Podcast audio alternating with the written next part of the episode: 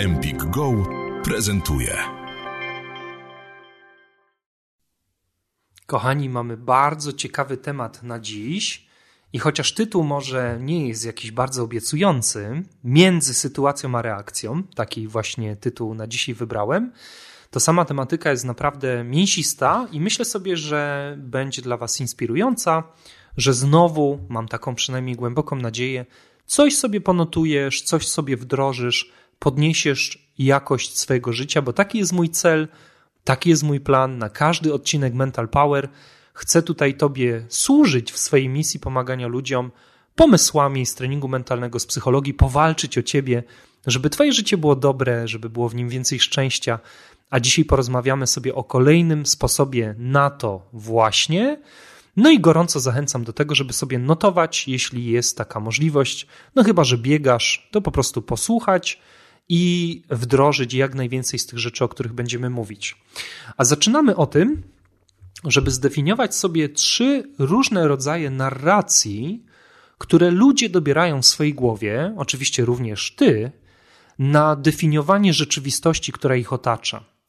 Czyli bez względu na to, czy to jest sytuacja w pracy, czy to jest sytuacja domowa, czy to jest koronawirus, czy to jest polityka, jakoś sobie to komentujesz w głowie po cichu i zazwyczaj masz tendencję do tego, żeby najczęściej pojawiała się jedna z trzech narracji, typowych dla każdego człowieka w normie intelektualnej, emocjonalnej, w takiej ogólno pojętej normie, czyli mówimy tu o osobach, które no, słuchają tego podcastu albo też e, w jakiś inny sposób się kształcą i mogą sobie o takich rzeczach myśleć, dyskutować, bo jest to dla nich dostępne choćby pod kątem e, skali inteligencji Wexlera.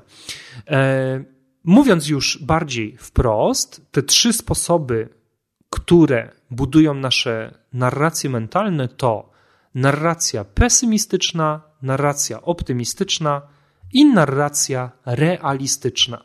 To są trzy najczęściej pojawiające się inklinacje, czyli takie kierunki, w które y, Twój mózg i Twój umysł, może nawet bardziej, podąża, kiedy zastanawiasz się nad jakąś sytuacją. Zróbmy to na przykładzie, zaraz okaże się to bardzo klarowne, a potem się zastanowimy, jak to wykorzystać. Koronawirus. Dotyczyło to każdego z nas. Gospodarka była zamrożona, możliwość podróży nam zniknęła jakby z pola widzenia bo i linie lotnicze, i lotniska zostały na jakiś czas pozamykane. Część ludzi zbankrutowało, część ludzi w dużym smutku e, obserwowało to, jacy dla siebie też jesteśmy wrodzy i nieufni na ulicach. Mm, a część ludzi poradziło sobie całkiem nieźle. Znam nawet takie firmy, łącznie z moją własną, które w tym kryzysie się wzmocniły. Do tego dzisiaj też będziemy nawiązywać. Ale popatrzmy sobie, co taki standardowy Kowalski, Jakiś człowiek z ulicy może sobie opowiadać o koronawirusie, jeśli podpunkt A ma dominującą narrację pesymistyczną. W jego głowie mogą pojawiać się takie ciche myśli, mniej więcej w takim kształcie. Ojej, stracę pracę, stracę przychody, nie będę miał na kredyt, pójdę na bruk, a przecież moi rodzice są starsi, jak się któryś zarazi, to pewnie umrze, a ja będę musiał zrealizować pogrzeb, a skąd ja wezmę na to pieniądze? Moje życie jest do bani. To jest typowy przykład narracji pesymistycznej, czyli pomimo tego, że jeszcze nie wiemy, co się wydarzy w przyszłości, wszak nie wiemy, nawet progności tego nie wiedzą, to definiujemy wszystko w ciemnych barwach, malkontencko, bez takiej nadziei, że coś się ułoży samo, że będzie dobrze. Generalnie definiujemy sobie koronawirusa jako coś, co jest dla nas największym dramatem, tragedią. Bardzo do tego podchodzimy pesymistycznie.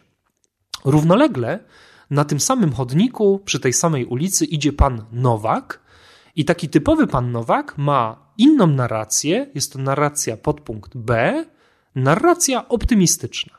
I mówi sobie tak: Jakie to miasto jest piękne, kiedy nie ma tutaj tyle ludzi naraz. Jakie te parki są zielone, kiedy ludzie nie wyrzucają śmieci, bo siedzą w domach. A może nawet dobrze, że mamy maseczki, bo wtedy bardziej śmiejemy się oczami.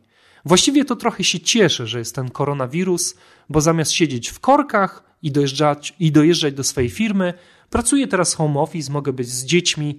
Właściwie wszystko to jest coś dobrego i cieszę się z tego, że mam za co żyć, mam wspaniałą żonę, mam wspaniałe dzieciaki i cudownego pieska, życie jest wspaniałe.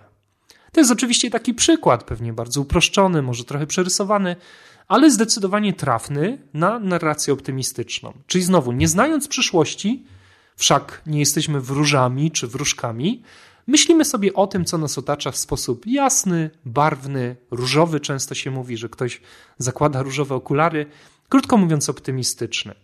Ale mamy jeszcze na tej samej ulicy, a właściwie na chodniku przy tej ulicy, pana Iksińskiego, i pan Iksiński ma narrację C. Podpunkt C to narracja realistyczna. I w jego głowie krążą następujące ciche myśli.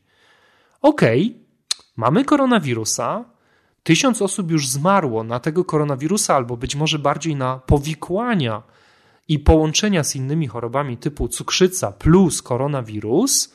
Z jednej strony dużo, jest to oczywiście wielki dramat dla tysiąca różnych rodzin, gdzie odszedł syn, albo córka, albo matka, albo tata. I to są dramaty ludzkie. Ale z drugiej strony, biorąc pod uwagę, ile ludzi ginie na drogach każdego roku, to ten koronawirus nie jest aż tak groźny, jak media próbują go przedstawić. I oczywiście chcę nosić maseczkę, oczywiście unikam licznych grup ludzi, oczywiście myję codziennie ręce, ale nie wpadam w panikę, patrzę na to realistycznie. Pewnie bardziej zagraża mi to, że będę uczestniczyć w wypadku drogowym, niż że umrę akurat na koronawirusa, bo w skali 38-milionowego kraju ten odsetek jest niższy niż 1 promil, nawet nie 1%, 1 promil Także jest bardzo mała szansa, że ja umrę. To jest taki przykład, znowu troszkę, wiecie, taki fabularyzowany, przekoloryzowany, ale bliski narracji realistycznej. I oczywiście, żebym był tutaj dobrze zrozumiany, każdy z nas raz na jakiś czas używa każdej z tych trzech różnych narracji. Niekiedy bardziej optymistycznej, niekiedy pesymistycznej, niekiedy realistycznej. Wszystkich trzech używamy.